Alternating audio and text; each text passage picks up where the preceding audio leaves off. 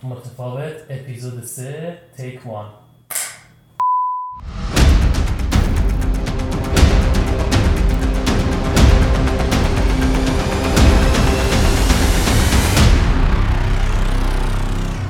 درود به تک تک شما دوستای گل و عزیز و گرامی از هر جای دنیا که دارید. این برنامه اپیزود سوم متفاوت رو تماشا میکنید روی کانال یوتیوب ما یا روی ایران پراود. یا اینکه دارید به پادکست ما گوش میدید هر جایی که هستید. امیدوارم که همگی خوب و پیروز و شاد باشید لحظاتتون زیبا باشه. در کنار هر عزیزی که هستید یا اگر که تنها هستید یادتون باشه که قبل از اینی که بخواین به هر کسی عشق بورزید و به هر کسی دلتون رو بدید اول عاشق خودتون باشید و هیچ وقت اونجوری احساس تنهایی نخواهید کرد. چون میدونم روزگار روزگار کووید و کرونا هست و خیلی ها هم موندن که خونه تنها و در اقصانقات دنیا و میدونم زمان سختیه. برای بسیاری از انسان ها و ما هم هیچ کدوم خب جدا از این امورات نیستیم عرض شود که موضوع این برنامهمون رو داریم میذاریم بر اساس اینی که آیدیای بیدار شدن پیام یادت دفعه قبل راجب چی اصلا حرف زدیم دفعه قبلی راجب ترس آه راجب ترس صحبت کردیم درسته؟ بله دفعه قبلی راجع به ترس صحبت کردی یه پیش زمینم به مرگ دادی. درسته درسته. خیلی خوب خیلی خوب. امروز میخوایم باهاتون در مورد یه اصل صحبت بکنیم. راجع به اصل بیدار شدن. بیدار شدن و اینی که اصلا ما چجوری وقتی میگیم بیدار میشیم یعنی چی بیدار شدن یعنی چی؟ و اینی که بیدار شدن یه عکس کلش رو بخوام بهتون نشون بدم. میخوام بهتون بگم که چی جوری چه حس و حالی خواهد داشت و اینی که شمایل، شکل و شمایلش چی هست. برای اینکه ما بهتر بفهمیم که حس بیدار شدن یعنی چی به نظر من اول باید از اینجا شروع بکنیم که ما بگیم که در شرایطی که همه انسان ها سر میکنن و ما داریم زندگی میکنیم اون رو اول بیایم توصیف کنیم و وقتی که ما بتونیم اون رو توصیف کنیم میتونیم به این بحث برسیم که خب وقتی بیدار شدیم چه فرقی زندگی خواهد کرد. بیاین برگردیم از بچگی شروع کنیم. وقتی که هر انسانی به دنیا میاد وقتی که یه بچه کوچیکی به دنیا آمده هیچ اطلاعاتی میدونید که هنوز توی ذهن اون بچه نیست. اون بچه ذهنش تمیز پاک حالا پاک میگن پاکی و کثیفی نیست ولی منظور اینه که هیچ چیزی هنوز در مغزش ذخیره نشده و آماده این هست که شروع بکنه اطلاعات رو جذب کردن و بایگانی کردن. اگر که ما بیایم انسان رو بدن انسان رو با یک کامپیوتر یا یک دونه گوشی تلفن حتی بهتر مقایسه بکنیم خیلی فکر کنم این بحثمون جالبتر خواهد شد. ما بیایم بگیم که یه انسانی که میاد روی کره زمین مثل اون جریان تلفنه. درسته شما گوشی تلفنتون وقتی که از تون باکسش خوشگل آکبنده در میارید مثل اون بچه گوگلی خوشگل کیوت و گوشیتون رو باز میکنید و شروع میکنید رفتن توی گوشی. میبینید که خب یه دوربین داره توش که میتونه عکس بگیره. دوربین عکسایی که میگیره روی گوشیتون ذخیره میکنه. و یه سری قابلیت هم گوشیتون همینطوری inherently یا اینکه از درون باهاش میاد. چه شما اینترنت داشته باشید چه نداشته باشید مهمترین قابلیتی که تلفن داره در زمان حال اینه که هم براتون عکس میگیره و ذخیره میکنه و فیلم میگیره و هم, هم این که بهتون اجازه میده بتونید با اشخاص دیگه ای که اونا هم این بدن یا همون بدن انسان ما داریم مقایسه میکنیم با تلفن یا گوشی داشته باشن شما میتونید باهاشون تماس برقرار کنید.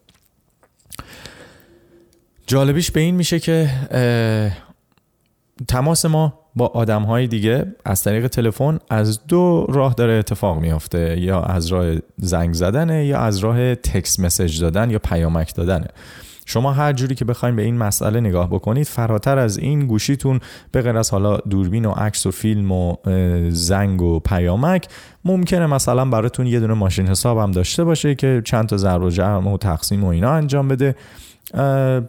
دیگه خیلی بخواد براتون حال بده. الان گوشیتون رو مثلا میتونید روش یه دونه فایل نوشته نوشت نوشتنی درست بکنید نوت باش نوت پد باز کنید روش که فایلاتون رو که میخواین خودتون ذخیره کنید بازم اطلاعات رو داره براتون ذخیره میکنه. دقیقا انسان هم همینطوری خواهد بود.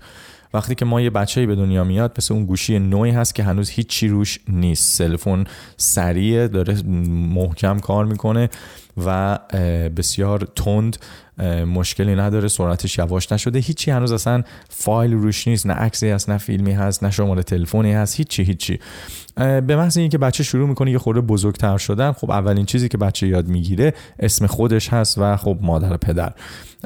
گوشی تلفن هم همینه. شما فکر کنید وقتی که گوشی میگیرید اولین چیزی که روش اضافه میکنید میرید تو آدرس بوکتون و شماره تلفن مثلا مامان و بابا رو اضافه میکنید. شماره دوستتون و خواهرتون برادرتون کسایی که براتون اول از همه مهمترن.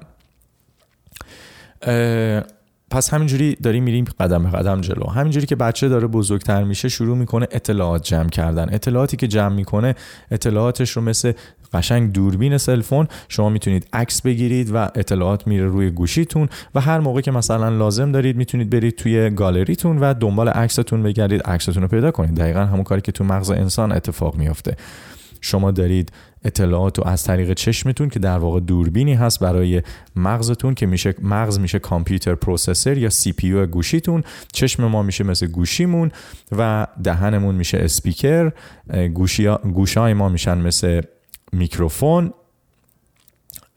و اگر که همینطوری این حسا رو در نظر بگیرید همینجوری ما اطلاعات و داده ها رو داریم روی سلفونمون روی گوشیمون رو موبایلمون ذخیره میکنیم ذخیره میکنیم. همینجوری اینا هی اضافه میشه و انباشته میشه بهش. بعد اطلاعاتی رو که ما داریم اضافه میکنیم مثلا اینی که بنیادی ترینش که از همه مهمتره که اول از همه هم صورت میگیره اون اسم هست دیگه درسته؟ چون معمولا بچه حتی قبل از اینکه به دنیا بیان مادر پدرها یه اسم براشون روشون گذاشتن. بعد از اینی که مادر پدر پدرها اسم روی بچهشون میذارن. خب اون بچه اصلا براش فرقی نمیکنه اسمش چی باشه. مثلا اگه شما فکر بکنید هر کسی که به اون برمیگرده میگه شما اسم چیه؟ اولین چیزی که ما بر... میگه شما کی هستید؟ مثلا میدونه قدیمام تو ایران میگفتن تو کیستی؟ توی دهات ها و اینا زمانهای قدیم از دور تو تاریکی یه نفر داشته میومده همه خودشونو با اسم معرفی میکنن. وقتی که شما اسمتون رو میگید یا الان میرید یه جایی میخواین خودتون رو معرفی بکنید مثلا میگید مثلا درود من اسمم عرسه و خوش آمدید. یا من اومدم امشب باهاتون هنگ اوت کنم با هم دیگه باشیم. اینجوری خودتون رو معرفی میکنید. ولی سوال اصلی از همینجا پیش میاد که آیا به خاطر اینی که اسم من عرس هست یا اینکه اسم شما هر چیزی که اسمتون هست دلیل میشه که شخصیت شما یا وجود شما یا اون کسی که داره از این گوشی استفاده میکنه آیا اون کسی که داره از این گوشی استفاده میکنه عوض میشه آدمش؟ مثلا شما اگر گوشیتون آیفون باشه یا گوشیتون سامسونگ باشه آیا شما یک آدم متفاوت میشید؟ خب مسلما جواب این سوال نه هست. به خاطر اینکه شما همون کسی که هستید هستید مهم نیست گوشیتون نوکیا باشه آیفون باشه یا سامسونگ یا هر هواوی مهم نیست. اسمم دقیقا همین ماجرا هست. اما ما اسمی رو که انتخاب میکنیم از همون لحظه ای که انتخاب میکنیم و مادر پدر برامون انتخاب میکنن و ما قبول میکنیم که اسمی که روی ما گذاشتند اسمی هست که ما میخوایم بهش جواب بدیم که این اتفاق با اگریمنتی با قرارهای اتفاق میفته که از مادر و پدر شروع میشه مادر و پدر در خانواده در خانواده شروع میکنن به همه میگن بعد برادر خواهر عمه عمو خاله کازین ها همه شروع میکنن ما رو با اون اسم صدا میکنن جالبیش به این اتفاق به اینجا هستش که تا اونجایی که همه ما رو به یک اسم صدا میکنن ما همه یک اسمی میشیم بعضی از خانواده ها مخصوصا هستش که میبینید تو ایران هم بیشتر اتفاق میفته که مثلا مادر یک اسم دوست داشته پدر یک اسم دوست داشته یا مثلا مادر پدر دوست داشتن مامان بزرگه دوست داشته یه چیز دیگه به بچه بگه. به خاطر همون اون مامان بزرگه همون بچه رو صدا میکنه که خودش دوست داشته مادر پدرم خودشون. اینجوری میشه که یه نفر دو اسمی میشه.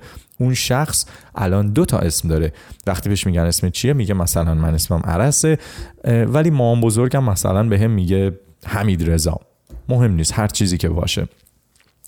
پس شخصیتی رو که ما از خودمون در نظر داریم اون عکسی رو که به بقیه میخوایم بقبولونیم. به محض اینی که از ما میپرسن تو کی هستی در واقع فقط یک قرار یک قول و قراری هستش که مادر و پدر ما بدون اینی که حتی نظر ما رو بپرسن ما بچه طفل بودیم دیگه نظری نداشتیم. روی ما گذاشتن و ما هم موافقت کردیم که اوکی دیگه ما با این اسم میریم جلو پیش میریم حالا تا جایی که ببینیم حسش چطوره. بعضیات میبینید در بزرگسالی میرن اسمشون هم حتی عوض میکنن. به مراتب همینطوری این مسائل رو بزرگتر کنید. بعد از اسم نکته بعدی که یاد میگیریم اینه که خب مامان کیه؟ بابا کیه؟ من کدوم شهر هستم؟ کدوم کشور هستم؟ دینم چیه؟ باورهام چیه؟ مامان و بابا چی میگن؟ خوبه چی میگن؟ بده. حالا مثلا ما که خودمون نمیدونیم چی بده چی خوبه که درسته هر باوری که ما داریم همه از مادر و پدرمون به ما رسیده. مادر پدرمون از کجا به ما میرسونن؟ از مادر پدر خودشون اونها هم از مادر پدر خودشون هم از مادر پدر خودشون. همه این اطلاعاتی رو که ما داریم و داریم قبول میکنیم که هویت ما رو به ما میده تمام این اطلاعات بر اساس زبان فرهنگ و دین شکل میگیرن. یعنی فراتر از اسم و حتی شما توی اسم هم که میبینید مثلا اسم های مذهبی به, به افراد خب یک شخصیت مذهبی میدن. تحقیقات بسیاری داره امروز انجام میشه که داره نشون میده که انسان ها وقتی که اسمی روشون گذاشته میشه اسمشون به طریقه بسیار مستقیمی شخصیتشون رو شکل میده. مثلا یک خانومی که اسمش ونوس باشه این خانوم یک یک اسم سیاره روشه یک اسمیه که یک اسم قوی هست یک اسمیه که بهش قدرت میده به خاطر اینکه یه سیاره است. منتها یه نفر که مثلا اسمش لاله باشه اسم یک گله یک گلیه که ظریفتر چی میگن زیبا شکننده فمینن بهش میگن به انگلیسی من فارسی فمینن رو نمیدونم چی میشه مثلا پیام فمینن میدونی چی میشه زنانه. زنانه. خیلی اسم زنانه و لطیفیه. در نتیجه تمام تصمیماتی که اون شخص و زندگیش میگیره بر اساس این اسمی که روش گذاشتن. یا مثلا اسم یه نفر ببینید اسم یه مردی یا مثلا شما بذارید بابک اسم یه مردی بذارید جبار. میدونی؟ مثلا اون کسی جباره مثلا قویتر و جبار. مثلا بعد به اونی که میگن تو اسم چیه؟ بابک. میدونید؟ مثلا اصلا کاملا با هم متفاوته. شخصیت آدما واقعا با تمام باورهایی که ما داریم شکل میگیره. چون شخصیت باوره. شخصیت فراتر از باور نیست. به خاطر همینه که بچه قبل از اینی که اطلاعاتی رو بتونه در ذهنش پروسس یا بایگانی یا ذخیره بکنه شخصیتی نداره. یه بچه یه که اصلا چیزی نیست. بچه است یه داره بزرگ میشه. هیچ خاطره ای هم در ذهنش نخواهند بود.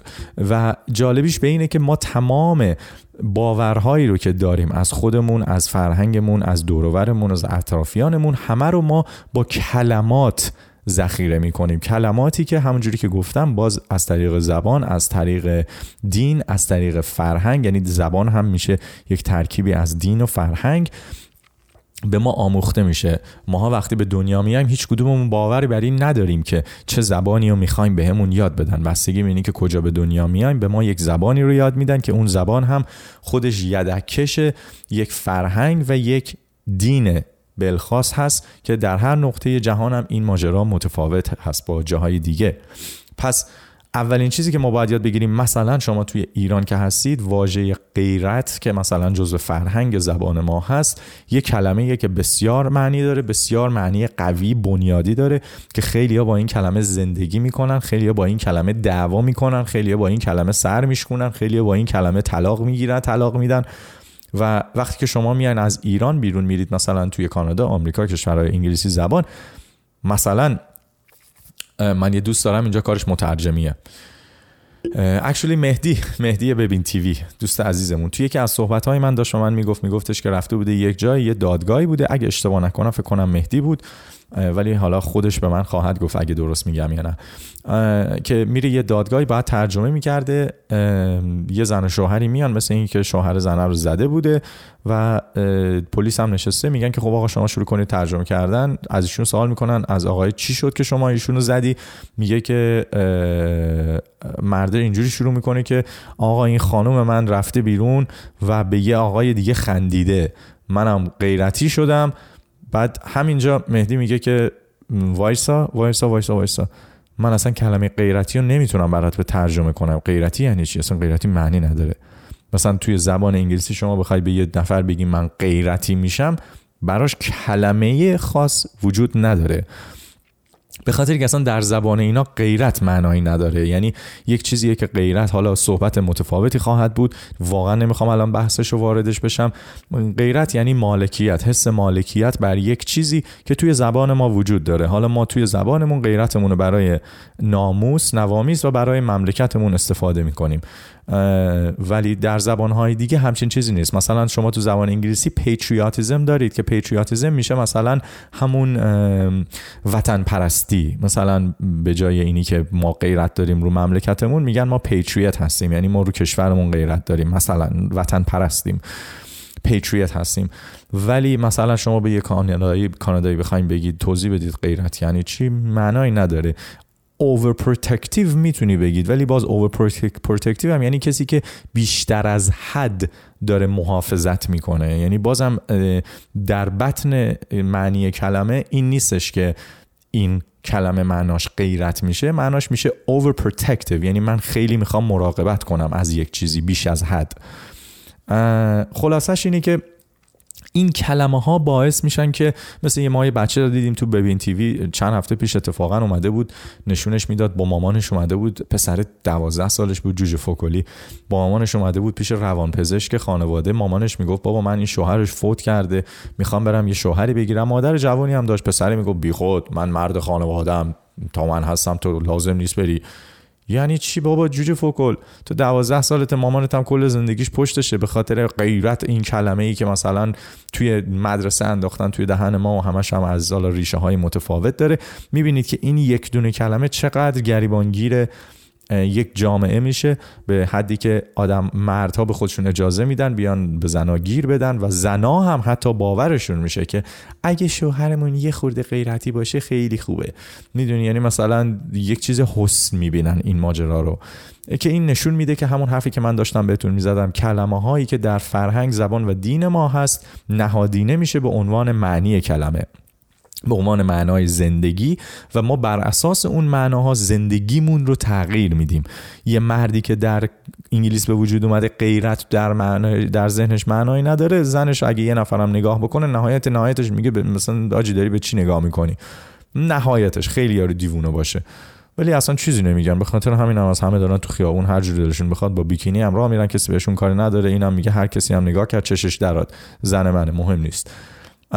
منتهای مطلب توی ایران یا حتی اینجا ایرانیایی که میان اینجا کاسه داختر ازاش میشن و اگه کسی به خانم من نگاه بکنه من باید برم یقه یارو به چسبم چرا؟ چون من غیرت دارم. اون کلمه ای که ما اصلا نمیدونیم از کجا اومده برای چی اومده. حالا مثلا این همه بقیه دنیا که غیرت تو کلمه های زبانشون نیست. الان مثلا آدمای بدی هن یا اینکه زندگی ناراحتی دارن فقط ما زندگیمون خوب و عالیه چون ما غیرت رو میدونیم چیه. حالا این یه کلمه ایه که من خیلی همیشه دوست داشتم راجبش صحبت بکنم. فکر کنم این شرایطی الان پیش اومد که راجبش یه ذره یه کوچولو فقط بهش اشاره کنیم.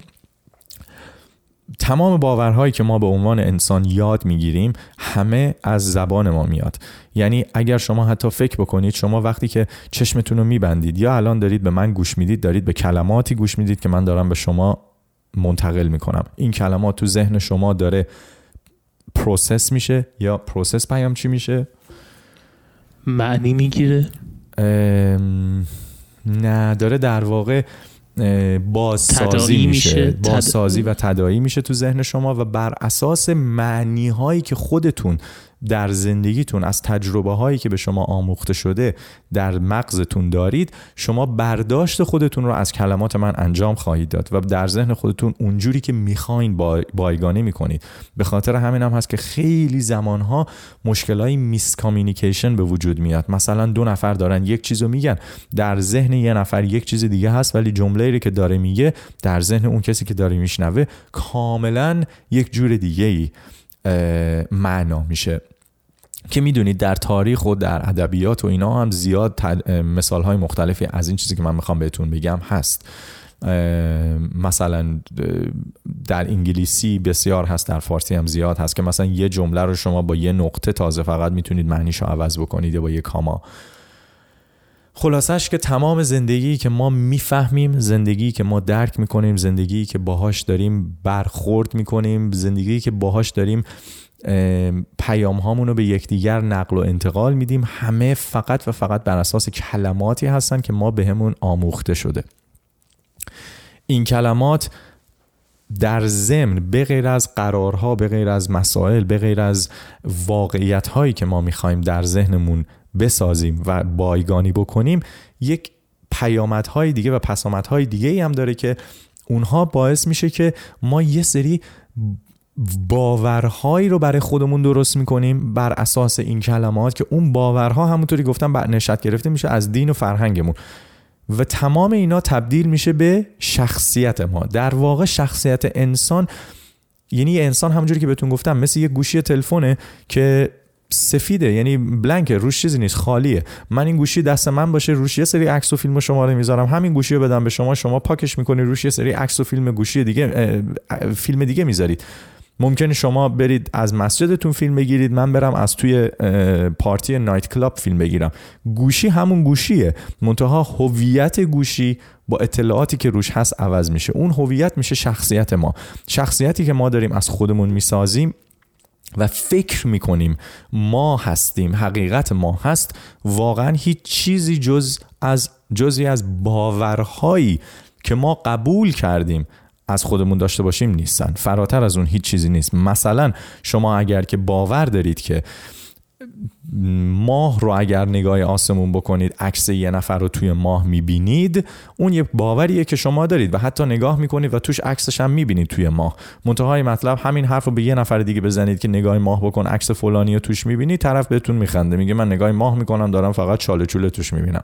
به خاطری که باورهای ما یکی نیست. آیا اون شخصی که میگه من باور دارم عکس یه نفر رو توی ماه دیدم داره اشتباه میگه نه اشتباه نمیگه داره اونم واسه خودش دیده و درست میگه. و آیا اون شخصی که میگه من ندیدم اون داره اشتباه میگه؟ اونم درست میگه. به خاطری که در مغز اون در گنجایش کلماتی که در ذهنش ذخیره شده همچین باورهایی نیست که آیا من وقتی نگاه ماه بکنم عکس یه نفر رو میبینم توی ماه یا نمیبینم.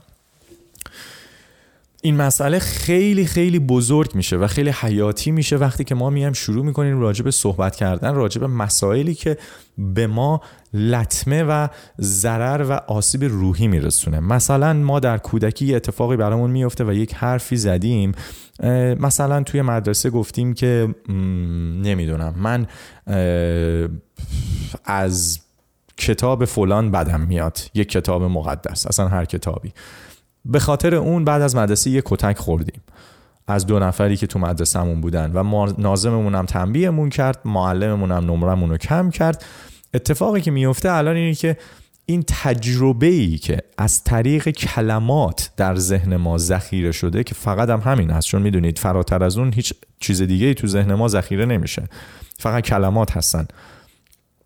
این باعث میشه که از اونجا به بعد تو زندگیمون هر باری که اون اتفاق میفته اگر اون کتاب مثلا میاد حرفش یه دفعه حس بدی به ما دست میده به خاطری که اون ذخیره شده و زخمی شده روح ما زخمی شده.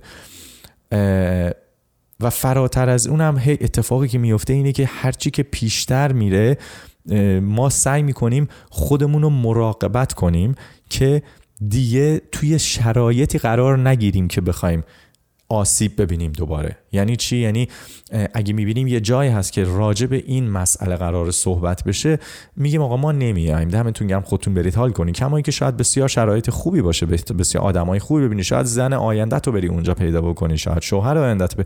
ولی به خاطر اینی که ما میخوایم زندگی خودمون رو ببندیم به اینی که آسیب نبینیم. و علتی که آسیب دیدیم اینه که با کلماتی که یاد گرفتیم واقعی که برای ما اتفاق افتاده رو ذخیره کردیم در کامپیوتر مغزمون و هی بهش میخوایم رجوع بکنیم. هر دفعه که اون اتفاق داره حتی به اون سمت میره اتفاق زمان حالمون.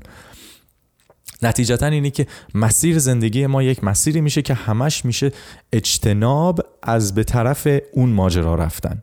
حالا خواهش میکنم مثال هایی رو که من براتون میزنم شما میتونید در هر مثال زندگی خودتون که صادق هست در نظر بگیرید و حتما این چیزایی که من میگم رو خواهش میکنم بهش فکر نکنید و فکر نکنید فقط همین معناها روش هست. هر کسی تو زندگی خودش یه سری مسائل خودش رو داره. یه چیز جالب دیگه هم که بهتون بگم اینه که برای اینکه بهتر بفهمید که ما هر چیزی که هستیم و نیستیم رو از خودمون درک میکنیم شخصیتمون واقعیت زندگیمون رو از خودمون درک میکنیم همش فقط بستگی به کلمات داره که ما از حفظ کردیم. بهترین نمونهش میشه وقتی که شما میبینید آدمهایی هستن 30 40 50 اصلا مهم نیست چند سالشونه. طرف داره زندگی میکنه ماشین داره خونه داره کارشو داره تحصیلاتشو داره. یه اتفاق میفته یک ضربه به سرش میخوره و حافظش از دست میده. اون شخصی که حافظش از دست میده و هیچ چیزی یادش نمیاد نه تنها نمیدونه کی هست بلکه در بعضی از مواقع حتی این نمیتونن صحبت بکنن. به خاطر اینکه حتی حرف هم نمیتونن بزنن. این آدمایی که مثلا تا یک روز قبلش زندگیشون بسیار نرمال بوده. و سوال اصلی اینه که آیا این شخصی که الان این ضربه به سرش وارد شده و نمیتونه حرف بزنه و حتی یادش نمیاد اگه بهش بگی اسم چیه اسم من چیه دیدینم که تا یه نفر ضربه به سرش میخوره اولین چیزی که پرستارا میان و دکترا بالا سرش میگن اسم چیه الان تاریخ امروز چیه دو تا سوال ازت میکنن ببینن میفهمی حافظت رو داری یا نداری دسترسی بهش داری یا نداری. ولی مثلا این شخصی که تا دیروز داشته به طور نرمال زندگی میکرده الان وقتی که نمیتونه به کلماتی که در ذهنش ذخیره کرده دسترسی پیدا بکنه آیا این شخص وجود نداره؟ خب مسلما اون شخص وجود داره. جلوی شما هست شما میتونید باهاش صحبت بکنید. ولی از لحاظ اون شخص خودش اصلا نمیدونه کی هست. اصلا مامانش هم میاد جلوش نمیشناسه. زنش میاد نمیشناسه. که این فقط به شما همین حرفایی رو داره بهتون اینو نشون میده که من همین الان داشتم خدمتتون عرض میکردم که تمام هویت ما فقط یک سری قول و قراره که ما با خودمون و اجتماع دورورمون قرار گذاشتیم که این درسته. و تا وقتی که ما اون قول و قرار رو نگه داریم یعنی که اون واقعیت در زندگی ما حضور داره. به محض اینی که شما تصمیم بگیرید که این قرار و قول رو دیگه پایبند بهش نباشید زندگیتون میتونه یک معنای جدید پیدا بکنه. همونطوری که خیلی ها میان از ایران بیرون حالا به هر دلیلی به خاطری که شاید اسمشون درست تلفظ نمیشه اولین کاری که میکنن اسم خودشون عوض میکنن. مثلا ایرانی خارج از ایران الکس رو خیلی زیاد رو خودشون میذارن. طرف اسمش علیه میذاره الکس. میبخشید عذر میخوام علی رضا علی غلام هر چی هست میزنن یه الکس میزنن خلاص و جالبیش به اینه که اون شخص که تا دیروز اگه تو خیابون یه نفر میگفت الکس جواب نمیداد همجور داشت راه خودشو میرفت الان به محض یه نفر میگه الکس روشو برمیگردونه میگه با منی تا دیروز شما الکس نبودی چی شد امروز شدی الکس به خاطر اینکه قبول کردی با خودت یک قرار گذاشتی که از این به بعد من الکس هم خواهم بود آیا شما اون فرد رو یک فرد متفاوت میبینید نه اون فرد میتونه زنتون باشه شوهرتون باشه پسرتون باشه عوض نشده اون شخص هنوز اونی که بوده هست فقط قرار گذاشته با خودش که من به شخصیت بیرونی خودم میخوام یک لایه دیگه اضافه بکنم یا حتی یک لایه رو از توش ور دارم بعضیا هستن میرن اسمشون رو قانونا عوض میکنن بعضیا فقط به بقیه میگن اسم من این هست اونایی که اسمشون رو قانونا عوض میکنن میان در واقع یک لایه رو میکشن بیرون و یک لایه دیگه جایگزینش میکنن. و این ساده ترین راهیه که من میتونم بهتون بگم که با تمام باورهایی که ما از خودمون از هستیمون از زندگیمون از خانوادهمون از دینمون از فرهنگمون از هر چی داریم همش فقط یک سری قول و قراره بعضی از این قول و قرارها رو مثل اسممون رو ما از بد و تولدمون داریم. بعضی از این قول و قرارها قول و قرارهایی بودن که حتی صدها سال هزارها سال قبل از ما اجداد ما به جای ما اون قول و قرار رو با خودشون گذاشتن و ما هنوز پایبند قول و قرار اونا هستیم. یعنی مثلا ما میگیم که من نمیتونم این کار رو بکنم به خاطر اینی که من فلان دین رو دارم یا فلان باور رو دارم. خب اون فلان باور کی به تو گفته درسته؟ دیگه درسته دیگه همه میکنن اون کارو. مامان بابام همسان نگاه جامعه. خب کی به جامعه گفته درسته؟ خب اونا مادر پدراشون گفتن. کی به اونا گفته؟ همینجوری بخوایم برگردید. نهایتش میبینید یک نقطه‌ای بوده که یک نفر اومده با یه نفر دیگه یه قولی قراری گذاشته. منتها این دیگه گریبانگیر مثلا هزار سال آدما شده. دتس هیچ من تمامش همینه. هیچ چیز جدیدی نیست.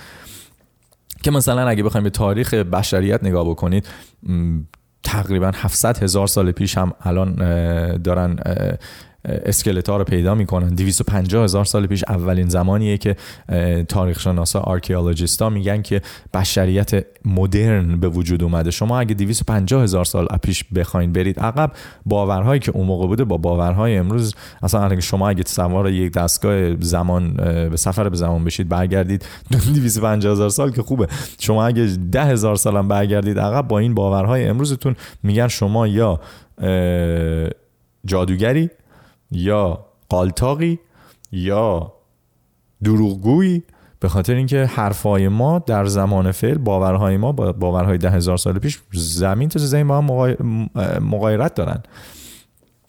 نهایتا وقتی که چرا این مسئله بسیار مهم و حیاتیه فهمیدنش؟ به خاطری که تا وقتی که ما درک نکنیم که تمام باورهایی که ما از خودمون و اطرافیانمون داریم فقط کلمات هستن. که خیلی بحث مهمیه کتاب هایی نوشته شده که 200 300 صفحه فقط راجع به همین یه بحثه که من بخوام با شما راجبش دارم صحبت میکنم. پس اگه فکر میکنید داره طولانی میشه علتش اینه که بسیار بحث بنیادی و مهمیه. درک اینی که تمام حسایی که ما داریم. وقتی یه نفر میاد به شما یک چیزی میگه مثلا اگه یه نفر به شما میگه چقدر خوشگل شدی این کلمه خوشگل شدن و مثلا اگر یک پسری به یک دختری بگه دختره ممکنه خوشش بیاد و لذت ببره. منتها اگه یه پسری همون کلمه رو به یه پسر دیگه بگه ممکنه پسر بهش بر بخوره بگه یعنی چی؟ مردی که این چه طرز حرف زدنه. همون یه دونه کلمه استفاده شده. متوجه هستید؟ ولی درک ما از اون یک دونه کلمه دو تا برخورد متفاوت رو داره ارائه میده به اون شخصی که اون کلمه رو به ما گفته. ممکنه حتی طرف زیر گوشی یارو هم بخوابونه. یعنی چه این چه حرفیه در نتیجه متوجه میشید که اگر که دنیایی رو که ما داریم تجربه میکنیم تمام تجربه های ما با کلمات هست. تمام واقعیتی که ما داریم درست میکنیم و درک میکنیم با کلمه هست. شما حتی اگر الان بخواید مثلا نگاهی دورورتون بکنید همینجوری نگاه بکنید دیگه درست الان مثلا پشت سر من من بخوام نگاه بکنم یا اینو. من میخوام بهتون این شرایط رو توضیح بدم یا شما بخواین زنگ بزنید به دوستتون بگید مثلا الان عرس رو نگاه کن بخواین راجع به این شرایط به دوستتون صحبت بکنید کلمه به کلمه شما دارید از کلمه استفاده میکنید. میگید عرس رو نگاه میکنی الان آردی دارید راجع به یک نفری صحبت میکنید که اسمشو بردید. نه چیه؟ او ویدیوشو نگاه کن یه میکروفون جلوشه پشتش رو دیوار نقاشی کشیده دو تا دوربین گذاشته اینور اونور میشه نمیدونم جلوش اینه اونه یه دونه از اینا داره. این عاشق این دوستمونم خیلی باحاله. هر وقت استرس میگیری اینجوری اینو فشار میدی. Kerim. یه دونه یه دونه بز داره اینو فشار میده صدا میده یعنی شما اگه بخواید فکر بکنید تمام توضیحاتی رو که با چشمتون دارید میبینید دارید به کلمه تبدیل میکنید تو ذهنتون و اگه اون کلمات وجود نداشت شما اصلا نمیفهمیدید چه اتفاقی داره میفته مثل همون شخصی که حافظش رو از دست داده و نمیفهمه زندگی یعنی چی؟ و مثل اون بچه ای که هنوز کلمات رو یاد نگرفته زبان یاد نگرفته. ما اولین خاطرات زندگیمون رو از زمانی میتونیم یادمون بیاد که زبان رو از حفظ کردیم و میتونیم با زبانمون خاطراتمون رو ذخیره کنیم. مثلا شما اگر بخواید برگردید به زمان بچگی وقتی که شما هنوز زبان بلد نبودید چیزی یادتون نمیاد. به خاطر اینکه نمیتونستید اطلاعات رو ذخیره کنید. چرا این بحث مهمه؟ به خاطر اینکه این داره به شما میگه که تمام باورهایی که شما از خودتون از بقیه از اجتماع و حتی فهمتون از زندگی فعلی از موقعیتتون دارید همه فقط بر اساس کلماته. اگه اون کلمات مثبت باشه شما حستون بهتر میشه. راحت تر پر انرژی تر و با بازدهی بهتری کار خواهید کرد و زندگی خواهید کرد. اگه هرچی این کلمات منفی تر باشه هرچی که خودتون روی خودتون بار منفی تری بذارید من بدبختم من نمیتونم به من داره ظلم میشه حق منو دارن میخورن دهن من صاف شده زن من داره این کارو با من میکنه دوست من با من اون کارو میکنه مامان من به من حقمو نداده مام بزرگ من ارث به من نداده. هرچی که ما بیشتر از کلمات منفی استفاده کنیم داریم فقط و فقط حس درونی خودمون رو منفی تر میکنیم و هرچی که این کار رو انجام بدیم حسی که به بقیه هم میدیم منفی تر میشه و هرچی حسی که به بقیه میدیم منفی تر باشه حسی هم که اونا به ما باز میگردونن به مراتب منفی تره. یعنی الان میشه یک ماجرایی که هی منفی رو منفی رو منفی میشه و به یک جایی میرسیم که میبینیم دیپرشن گرفتیم افسردگی میگیریم حالمون خوب نیست دوستامون رو از دست میدیم کارمون رو داریم یواش یواش موقعیت هامون رو از دست میدیم موقعیت های ترقیمون رو به دست نمیتونیم بیاریم نمیتونیم یک شریک خوب پیدا بکنیم چه برای کار چه برای زندگی. برای اینی که فقط ما منفی هستیم. شما بسیار دیدید آدمایی که میان روی تلویزیون آدمایی که میان و بسیار مثبتن دیدید طرف میاد میگه سلام چطورید؟ روزتون بخیر. بلند شید با هم امروز میخوایم ورزش کنیم. اصلا شما هر چقدر هم حالتون بد باشه اینو که نگاه میکنید به خاطر انرژی مثبتش به خاطر کلمات خوبی که داره استفاده میکنه شما هم حالتون خوب میشه. پس اولین نکته ای رو که ما باید راجبه وجود خودمون به عنوان یک انسان بفهمیم اینه که تمام هستی و نیستی ما بر اساس کلماتی هست که ما تصمیم میگیریم در خودمون در ذهنمون در روی گوشی سلفونمون بایگانی کنیم ذخیره کنیم و بریم بهشون هی برگردیم و هر اتفاقی که میفته بگیم که مثلا یه تصمیمی باید بگیریم میگیم که آه خب بذار ببینم من میخوام ببینم من برم این راهو یا نرم اون راهو. از کجا باید اینو بفهمم؟ باید برم سراغ ذخیره اطلاعاتیم درسته؟ برم سراغ این اطلاعاتی که توی مغزم ذخیره کردم. حالا اگر شرایط اینو داشته باشید که بتونید مثلا برید با یک نفر دیگه مشاوره کنید حالا مادر شریک مشاور هر چیزی خیلی خوبه. ولی بسیاری از زمانها ما داریم تصمیمامون رو در همون لحظه میگیریم. در اون لحظه تصمیمایی که گرفته میشه بر اساس تجربه های ما هست. درسته؟ تجربه هایی که ما داریم داره به ما میگه که این تصمیم رو نگیر به خاطری که پیامد خوبی قبلا برات نداشته یا این تصمیم رو بگیر در صورتی که به خاطری که برات پیامد خوبی داشته یا اینکه من حس میکنم پیامد خوبی خواهد داشت به خاطر اینی که مشابهش رو ما قبلا گرفتیم و خوب شده برامون.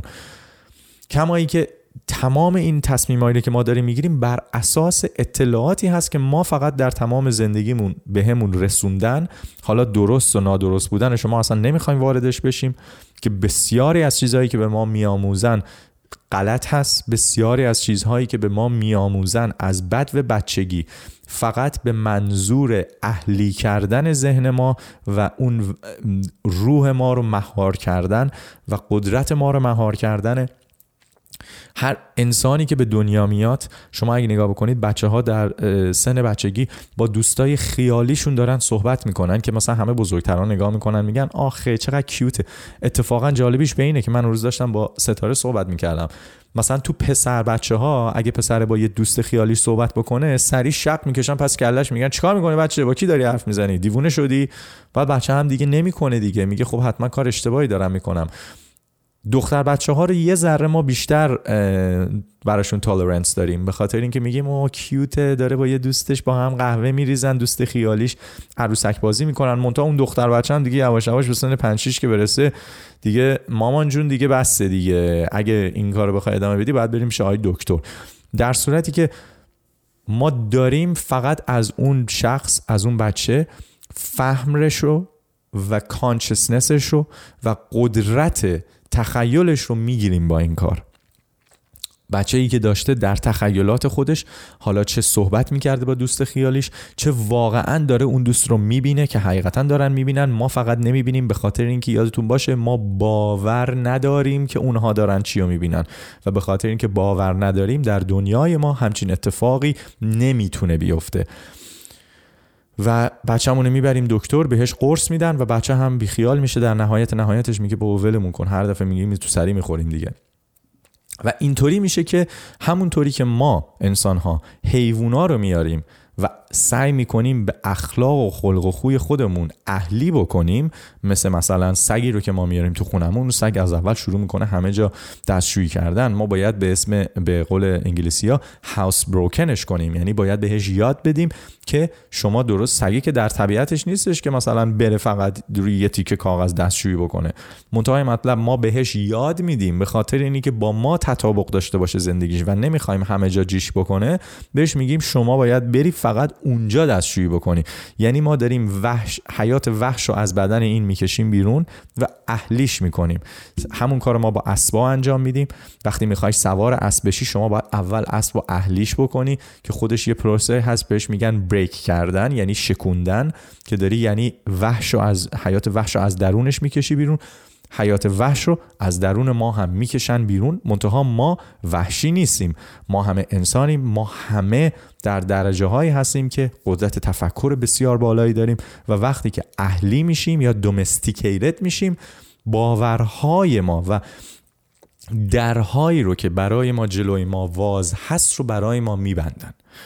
مثلا مامان شروع میکنه در بچگی این بچه من عاشق اینه که مهندس بشه. چرا؟ به خاطری که برای ما رفتن چهار تا پیچگوشتی خریدن با نمیدونم از این اسباب بازی ها ما هم داریم هی اینجوری باهاش بازی میکنیم. ما اصلا نمیدونیم این به چیه. یا اینکه مثلا یه گوشی برای ما خریدن ما هی اینجوری میریم میذاریم رو در دیوار. آه بچه منو نگاه کنید میخواد دکتر بشه. این بچه دیگه توی ذهنش میمونه چون الان باباش میگه میخواد دکتر شه عمه میگه میخواد دکتر شه دوباره براش وسایل بیشتری میخرن. آقا این بچه شاید اصلا میخواسته بره نوازنده موزیک بشه. شما از کجا میدونی میخواسته دکتر شه؟ ولی دیگه این میمونه روش. بعد همینجوری که بزرگتر میشه به معلماش میگن وای بچه ما از بچگی عاشق دکتر شدن بود بعد معلم هم میگه خب خدا رو شکر بچه بچه ها ایشون میخواد دکتر بشه. دیگه همه کلاس هم میگن ایشون قرار دکتر آینده بشه. حالا دستش بندازن با شوخی کنن مهم نیست. این دیگه میمونه روی اون شخص. و همینجوری که بزرگ میشه اجتماع هی بیشتر توقع داره هی این دروغی میشه که خود اون شخص باید بهش باور کنه و ایمان بیاره. و بسیار آدمایی هستن که این راه رو ادامه میدن به اون جاهایی که نباید اصلا میرفتن میرسن و میبینید که نهایتا به افسردگی میرسن نهایتا به جایی میرسن که طرف میگه که من از کارم خوشم نمیاد. من کاری که دارم میکنم و دوست ندارم و بسیار هستن همچین کسایی. من بسیار دورم میشناسم. چه در کارهای عالی رتبه چه در کارهای پایین تر مهم نیستش که در چه موقعیت اجتماعی باشه پول اصلا در این رابطه مهم نیست بسیاری آدم های پولدار هستن شما اگه نگاه بکنید که مثلا ما از مایکل جکسون دیگه معروفتر و پولدارتر توی دنیا توی خواننده ها نداشتیم دیگه که مایکل جکسون خودش رو کش به خاطر اینکه افسردگی مزمن داشت ایمی واین هاوس نمیدونم پیام اسم اون دوستمون رو باز من یادم میره کمدیانه رابین ویلیامز رابین ویلیامز بسیار بسیار کسایی هستن که اعتدادشون خیلی زیاده که اینا همه به خاطر افسردگی مزمن به خاطر مسائلی که روحشون و کانشسنسشون و اون آگاهی در واقع روحشون نمیتونه قبول بکنه من هنوز نفهمیدم کلمه کانشسنس معنای فارسیش حقیقتا چیه و امیدوارم یه روز به زودی بتونم اونو به طور قطعی پیدا کنم ولی کانشسنس ما نمیتونه قبول کنه در نتیجه افسردگی میگیریم و کم کم خودمون رو از دست میدیم وزنمون میره بالا دیگه برای خودمون خودمون مهم نیستیم از سلامتی خودمون مراقبت نمی کنیم و باعث بیماری ها برامون میشه که همه ما باهاشون در شرایط مختلف زندگی باید دیل کنیم برگردیم به سراغ گوشی تلفنمون این گوشی تلفنی یا که ما داریم در حقیقت میشه مثل همین جریانی که من داشتم برای شما میگفتم. اگر که شما امروز اینترنت گوشی تلفنتون رو استفاده نکنید و فقط از گوشیتون به عنوان یک آدرس بوک به عنوان یک تلفن تکس مسیج پیامک واسه کامیونیکیت کردن برخورده اجتماعیتون استفاده کنید و عکس و فیلم رو روش ضبط بکنید میشه دقیقا کاری که ما انسان ها همه تصمیم میگیریم تصمیم میگیریم نه آگاهانه بلکه به خاطر تعلیماتی که به ما داده شده غلط به طور غلط و همش هم هدفش فقط کنترل بشریت هست. یادتون باشه تمام اینا از لحاظ بنیادی علتش اینه که بشریت باید کنترل بشه تحت کسایی که میخوان دنیا رو کنترل بکنن کسایی که سیاست رو میخوان کنترل بکنن و اینها هم بسیاری بسیاری از این باورهایی که از ما گرفته شده قدرتهایی رو که دارن از ما میگیرن با گرفتن باورهامون از دین شروع شده. نه تنها دین اسلام بلکه همه دین های دنیا مسیحی ها مسلمون ها کلیمی ها همشون در حال حاضر این سه دین اصلی هدفشون فقط کنترل کردن باورهای انسان هاست که شما کنترل بکنید بگید که تمام حرف هایی که ما داریم بهتون میزنیم همه برای خودتونه برای این زمینه. یه زمینی هم بعد از اینجا هستش که یه خدایی نشسته با ما حرف زده نگران نباشید. ما قرار باش گذاشتیم.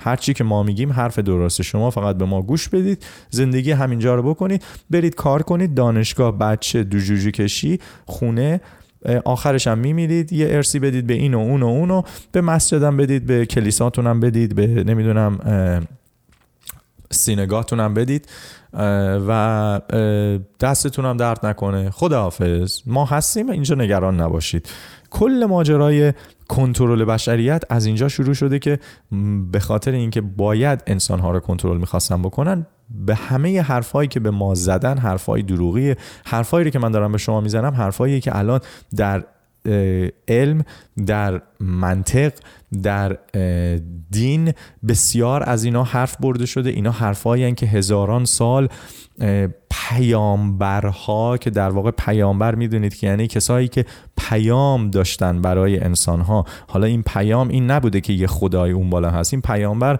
در واقع داشته به همه انسانها همینو میخواسته بگه که شما خودتون درون خودتون اینفینیتلی یعنی به طور اینفینیت پیام چی میشه؟ نامحدود آها شما به طور نامحدود به طور unbounded و infinite قدرت دارید و تنها قدرت ما وقتی مهار میشه که ما خودمون باور کنیم اون قدرت رو نداریم با چی؟ با استفاده از کلماتی که در زبان ما تدریس میشه دقیقا مثل این سلفونه. انگاری که شما تمام زندگیتون رو بخواین از روی گوشی انجام بدید که اینترنت ندارید. الان شما هر چیزی که میخواین پیدا بکنید باید برید مثلا روی گوشیتون توی گالریتون ببینید که کدوم روز چه عکسی چه فیلمی بوده که یه تصمیمی بخواین بگیرید ببینید که این تصمیم رو واسه جایی که میخواین برید درست یا اشتباهه. در صورتی که ممکنه 10 دقیقه وقتتون رو بگیره. عذر میخوام. و اگر که شما اینترنتتون رو وصل بکنید به محض اینکه اینترنتتون وصل بشه شما همون کارو میتونید در ظرف 3 ثانیه انجام بدید. مثلا من میخوام یک جایی برم اینجا خوبه یا بده. یادم یه دفعه 10 سال پیش رفته بودم اصلا نمیدونم کی بوده چه سالی بوده چه ماهی بوده. عکسشو گرفتم. بذار ببینم بهت نشون بدم مثلا. به دوستم نشون بدم.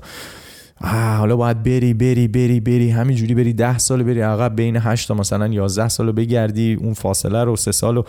آقا پیداش بکنی نکنی چقدر عکس چقدر فیلم. ما وقتی هم داریم فکر میکنیم همینه دیگه. تمام فکرایی که در ذهن ما میگذره دقیقا همین ماجراست. شما وقتی دارید به یک چیزی فکر میکنید؟ من ازتون اگه یک سوالی بکنم بگم مثلا شما سال پیش واسه نوروز کجا رفته بودید روز سال تحویل شما باید شروع کنید با کلمات گشتن. دقیقا همونطوری که میرید روی اینترنت کلمات رو تایپ میکنید توی ذهنتون هم با کلمات سرچ میکنید دنبال جستجو میکنید. مثلا میگید که او پارسال میشد سال 99 99 مثلا ب... فروردین بذار ببینم من برای چهارشنبه سوری فلانجا بودم. اوکی آها آره. آ رفته بودیم خونه مام بزرگم. همه کلمه همه کلمه. میبینید که تمام زندگی ما کلماته. کلماتی که زندگی ما رو کنترل میکنن کلماتی که همشون انرژی دارن همه این کلمات بار انرژی دارن و ما داریم با این بار انرژی باورهامون رو بهشون قدرت میدیم یا اینکه باورهامون رو از خودمون میگیریم. پس بزرگترین سوالی که الان اتفاق میفته اینه که این گوشی که دست ما هست اگر که من این گوشی خودم رو بگیرم پاکش بکنم بدم دست شما آیا این گوشی من ماهیتش عوض شده؟ نه. حالا یه سوال دیگه. من اگه برم الان یه گوشی دیگه بخرم پیام گوشی دستته. گوشی میده بله. گوشی تو بده گوشی تو بده. من گوشی رو میدم به پیام من گوشی رو پیام رو میگیرم یادتون باشه این گوشی مثل بدن انسان یا در واقع باورهایی که ما برای خودمون داریم تمام اطلاعاتی که من روی این گوشی داشتم همه میشه باورهایی که من داشتم ضبط کرده بودم تو مغزم من اصلا میگم آقا یه نوبات گوشیم افتاده تو آب حوز پاک شده همش اطلاعاتی هم بکاپ نکردم روی کلاود هیچی دیگه همش رفت مثل وقتی که ضربه میخوره به سر یه نفر همه اطلاعات میره یه گوشه جدید گرفتم. درسته؟ خب آیا من الان یه شخص دیگه هستم؟ چون که باورهای من عوض شده چون خاطرات من دیگه اینجا وجود نداره یعنی من دیگه وجود ندارم؟ و نکته بعدی که از این مهمتر میشه اینی که من کیم این وسط؟ و این بزرگترین نکته ایه که ما باید بهش فکر کنیم.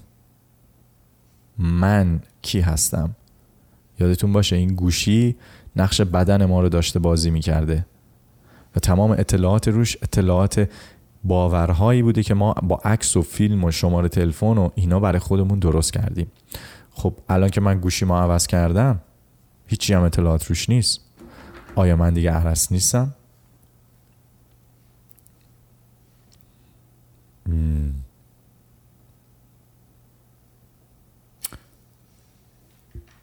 و حالا که ما میدونیم من هنوز عرض هستم پس اگه من الان تصمیم بگیرم روی این گوشی جدیدم چون که این گوشیم تو ایران بود و گمش کردم و اومدم کانادا اگه من توی کانادا با اسم الکس شروع بکنم خودم رو شناس شنا شنا شناسوندن به بقیه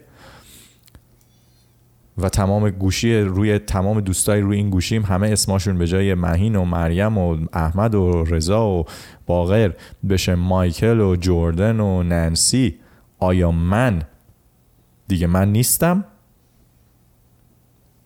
چرا من کماکان خودمم؟ آیا شما وقتی که به این نتیجه می رسید که یک تصمیمی در زندگیتون باعث آزارتون شده و دیگه این تصمیم رو نباید بهش عمل بکنید. آیا شما دیگه اون شخصی که فکر می کردید نیستید؟ بسیاری از ماها باور داریم انسانهایی هستن دور ما که تغییر مذهب میدن. خیلی ها هستن تغییر مذهب میدن. آیا اون شخص دیگه وجود نداره؟ اون شخص به طور فیزیکی هنوز وجود داره. اگه شما هم میشناختیدش کماکان شما باهاش دوست هستید. کما اینکه ممکنه حتی به شما هم نگه دینش رو عوض کرده یواشکی بره اون کارو بکنه. اما از درون باورهای اون شخص عوض شده. پس در نتیجه اون شخص یک شخص جدیده. یک شخصیه که اسمش عوض شده. اسمش به جای عرس شده الکس. دوستاش به جای نانسی و رضا و م... نمیدونم مهران شدن میبخشید به جای رضا و مریم و مهران شدن نانسی و جردن و مایکل. ولی کماکان همون شخصیه که تو ایران هم دوست باش باش مدرسه میرفتن میاد کانادا ده سال میمونه دوستای کانادا ایرانش میان کانادا با هم دیگه میرن آبجو میخورن غذا میخورن کافی میخورن هنوز همدیگه رو میشناسن چیزی عوض نشده منتها الکس الان یک شخص جدیده الکس دیگه عرس نیست چرا چون فقط باورهاش رو عوض کرده چون فقط قبول کرده که اون قول و قرارایی رو که من با خودم داشتم با اجتماعم داشتم که من به کلمه عرس میخوام جواب بدم که حالا یه بار مثبت داشته یا بار منفی داشته دیگه آقا من نمیخوام باش حال نمیکنم. ولی من از این به بعد میخوام با این کلمه جواب بدم. از اینجا هست که یواش یواش بنیاد بیدار شدن شروع میشه. بیدار شدن یعنی چی؟ یعنی زمانی که شما به خودتون بیاین و بفهمید که تمام کلماتی که داره در ذهن ما استفاده میشه. تمام باورهایی که ما بهش اعتقاد داریم. تمام هستی و نیستی ما. همش فقط یک باوره. همین. هیچ چیز دیگه ای هم توش نیست. این باورها رو اینجوری میتونیم عوض کنیم. و جالبیش به اینه که اون شخصی که اون کانچسنسی که اون بینگی اون حضوری که داشته قبلا عرس رو تجربه میکرده کماکان به ادامه تجربه کردن الکس داره پیش میره. زندگیش هم داره پیش میره. حالا ممکنه شما بیاین بگی که آقا من از اسم الکس متنفرم. تو چرا داشتی اسم تو عوض کردی؟ تو دیگه از ما نیستی. اوکی. شما تصمیم گرفتید خودتون رو از زندگی الکس بکشید بیرون. ولی یادتون باشه الکس الان 50 تا دوست جدید پیدا میکنه. و از اون 50 تا دوست جدید هنوز نصف دوستای قبلیش هم باهاش هستن. آیا آقای الکس آدم خوبی نیست؟ چون تصمیم گرفته باورهاش رو عوض بکنه؟ آیا آقای الکس آدم بدی شده چون تصمیم گرفته باورهاش رو عوض بکنه؟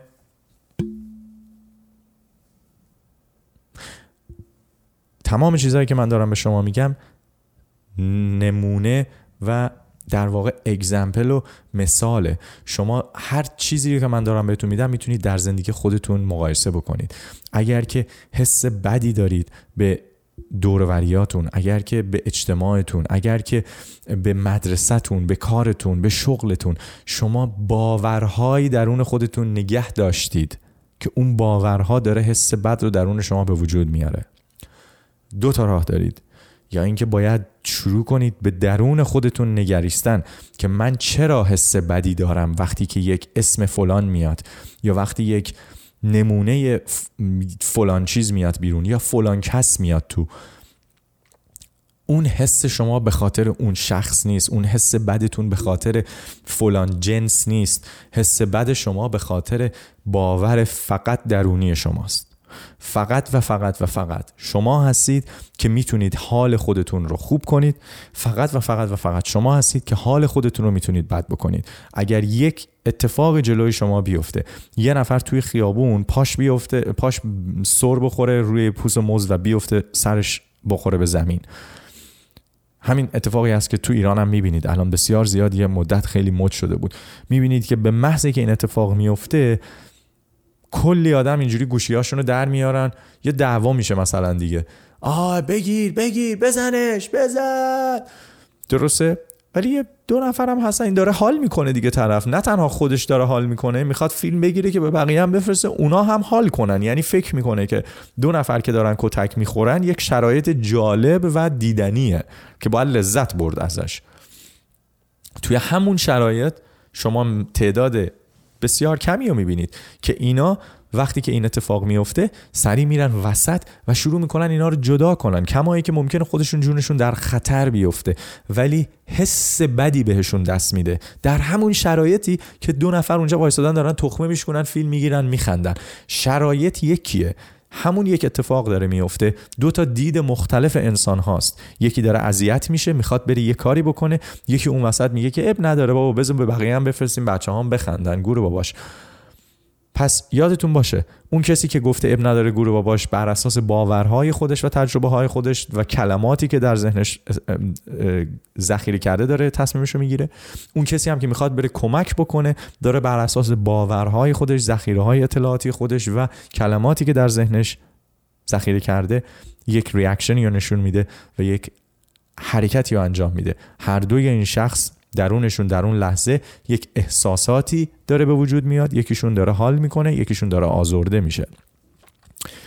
و تمام نکته همینه. وقتی که شما بیدار میشید متوجه میشید که اون کسی که این اسم ها رو به خودش داره اجازه میده بقیه بهش صدا کنن اون کسی که قبول کرده که این قوانینی که شما دارید میگید اصل بنیادی باورهای من هست که به راحتی هم اگه بخواد میتونه اون عوض بکنه اینا رو اون کی هست و اون کانشسنس هست اون انرژی هست که همونطوری که بهتون گفتیم بچه‌ای که به دنیا میاد که هنوز زنده هست ولی هیچ چیزی نمیدونه اون پر از اون انرژی. اون بچه‌ای که داره با دوستش صحبت میکنه پر از اون آگاهی پر از اون در لحظه زندگی کردن. اون کسی که کنار ما هست اون بچه ای که داره با دوست خیالیش صحبت میکنه هنوز اون انرژی درش قویه. پاسیبیلیتی ها بسیار زیادن. آپشن های زیادی رو داره. خودش رو لیمیت نمیکنه فقط به مامان و بابا که اینجا هستن. میدونه که کسای دیگه ای هم هستن که الان مامان و بابا نمیبیننشون. بذار من با اینا بازی کنم چون کسی با من بازی نمیکنه. در نتیجه وقتی که ما شروع میکنیم به باور کردن کانشسنس خودمون یا ذات خودمون یا اصل خودمون حالا ذات هم اسمش نیست اصلیت بنیادی خودمون رو شروع میکنیم از خودمون دور کردن چون شروع میکنیم یک سری قوانین و قول و قرارا رو با خودمون گذاشتن که هیچ کدوم واقعیت ندارن. هیچ کدوم. و از اونجا هست که زندگی ما شروع میشه رفتن به سمتی که ما نمیخواستیم بره. رفتن به سمت جایی که خانواده میخواستن بره جامعه میخواسته بره دین میخواسته بره اجتماع میخواسته بره و ما فقط اون وسط میشیم مثل یک مهره شطرنج که داره با ما بازی میشه. به جای اینکه خودمون بریم خارج بشیم از این محوته ای که از خودمون برای خودمون درست کردیم با باورهامون حسارهایی رو که ما میذاریم بالا که از باورهامون دفاع کنیم. ببین ما ما باورهایی رو قبول میکنیم که برای باورهامون میجنگیم. برای باورهامون میریم جونمون رو میدیم. میریم به جنگ میریم به دعوا میریم به غم کشی. آیا این باورهایی که ما داشتیم بنیادن دارن میگن که اصلیت ما چی بوده؟ یا اینکه اگه اون شخصی که یه باوری داشته بره یه نفر رو با قمه بزنه چون غیرتی شده اگه توی راه یه سنگ بخوره تو سرش خودش اینجوری نگاه خودش میکنه یه دفعه میگه این چیه؟ من کجام؟ چیکار دارم میکنم؟ ولی نه اگه اون سنگ نخوره تو سرش میخواد بره برای باوراش جهر بده بتره کنه هر جوری که بخوایم فکرشو بکنید. و از اونجا هستش که هرچی که ما باورهامون رو بیشتر بکنیم خودمون رو داریم محدودتر میکنیم. هرچی که ما باورهامون رو کمتر بکنیم محدودیت ما کمتر میشه. برای ما درهای بیشتری باز میشه. اگر شما یک در یک اتاق فرضی رو حساب بکنید که 20 تا در روش نوشته باشه 20 تا در داشته باشه رو هر در یه دونه یه دونه کاغذ نوشته باشه. روی در نوشته باشه مشروب روی یک در نوشته باشه سکس روی در نوشته باشه پول روی در نوشته باشه کفر روی در نوشته باشه ظلم روی در نوشته باشه هر چیزی.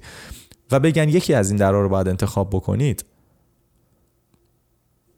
همه ما ها ممکنه بگیم که او ما در پول رو میخواییم به خاطر اینکه بقیهش که به درد نمیخوره با اون پول هم همه رو میتونیم بگیریم.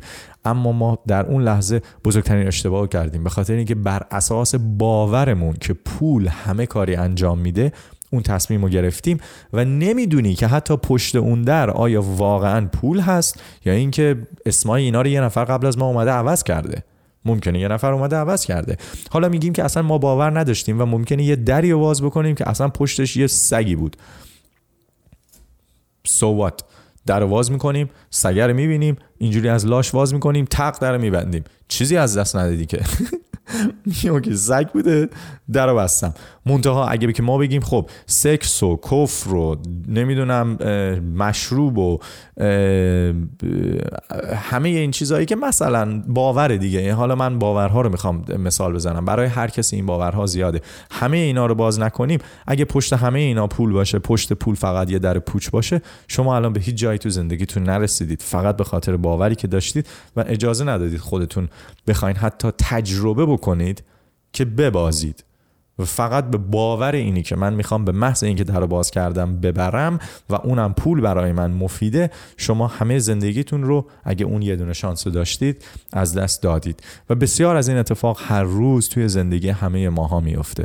بسیار بسیار با اتفاق میفته که ما میتونیم تصمیم یا تصمیم هایی رو بگیریم که همه رو بر اساس باورهای اشتباه داریم میگیریم.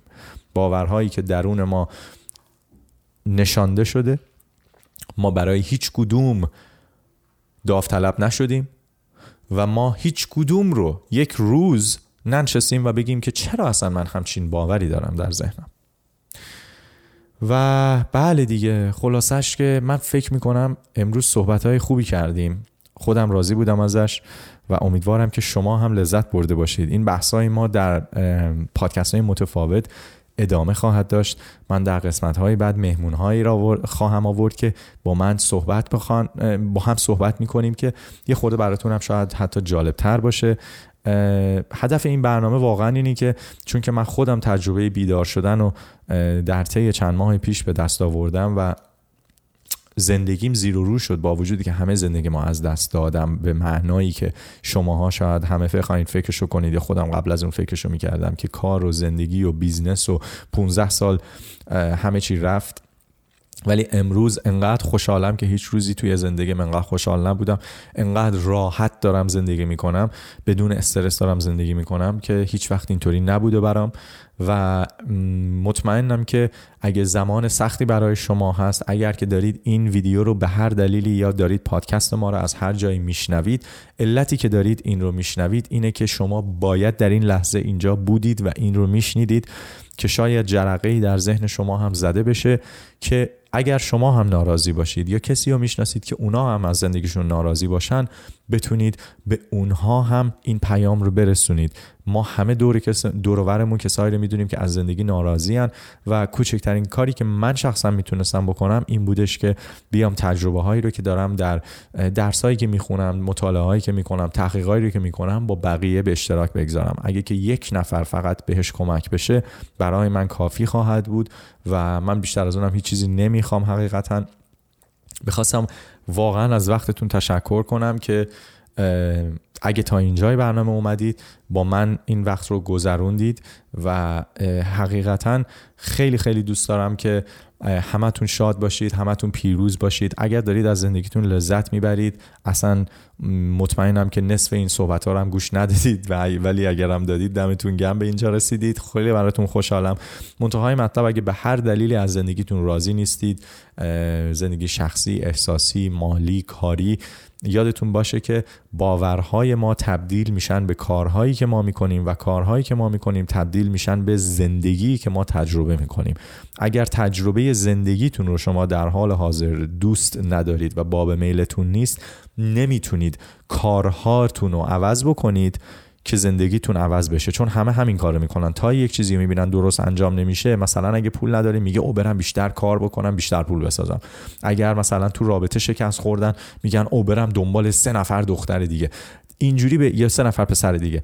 اینجوری به هیچ جایی نمیرسید. نهایتا هم برمیگردین به همون جایی که برگشتیم. به خاطر اینی که همیشه توی همون مرحله خواهیم ماند.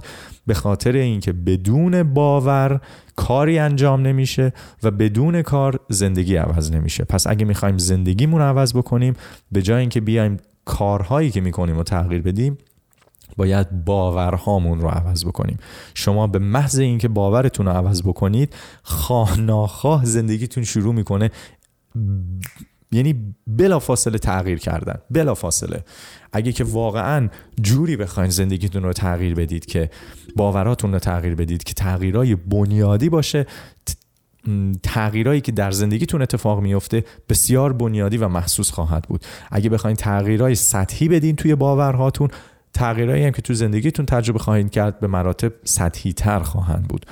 نهایت ماجرا اینه که این بحث های ما بسیار بلندن بسیار علمی تر خواهند شد. هر کسی که دوست داره مدارکی مطالبی من منابعی از من بگیره من هیچ وقت نمیگم که من همه چیزو میدونم من اتفاقا هیچ چی نمیدونم و نمیگم من باورام درسته نمیگم من فقط همه چیزو درست بلدم.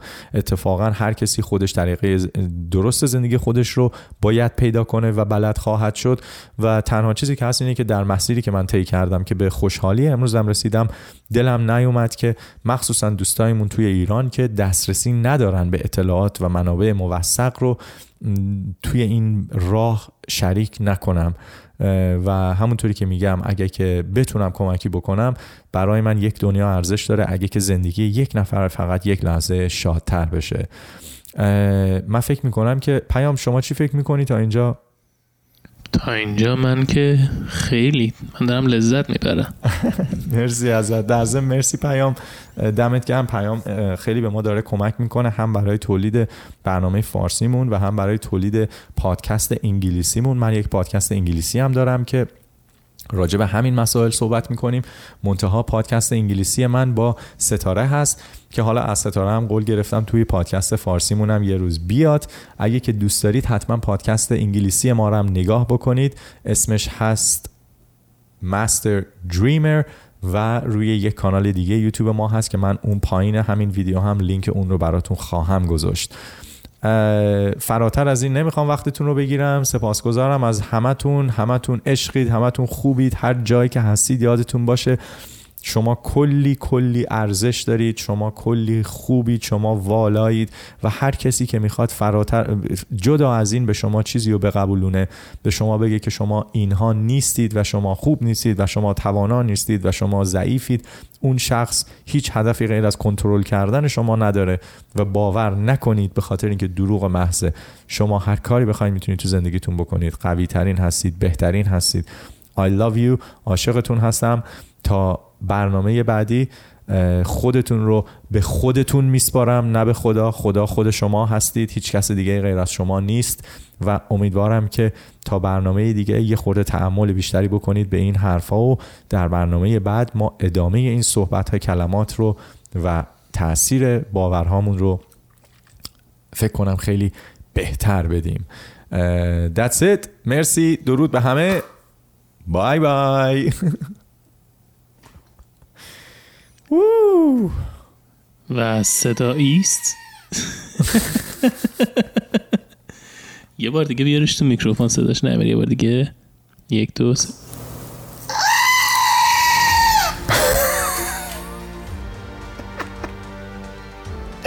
خداییش خوب نیست کدوم نور این روشنه الان وایت روشنه نگاه کن خداییش دله ها دله برو بریم پرمه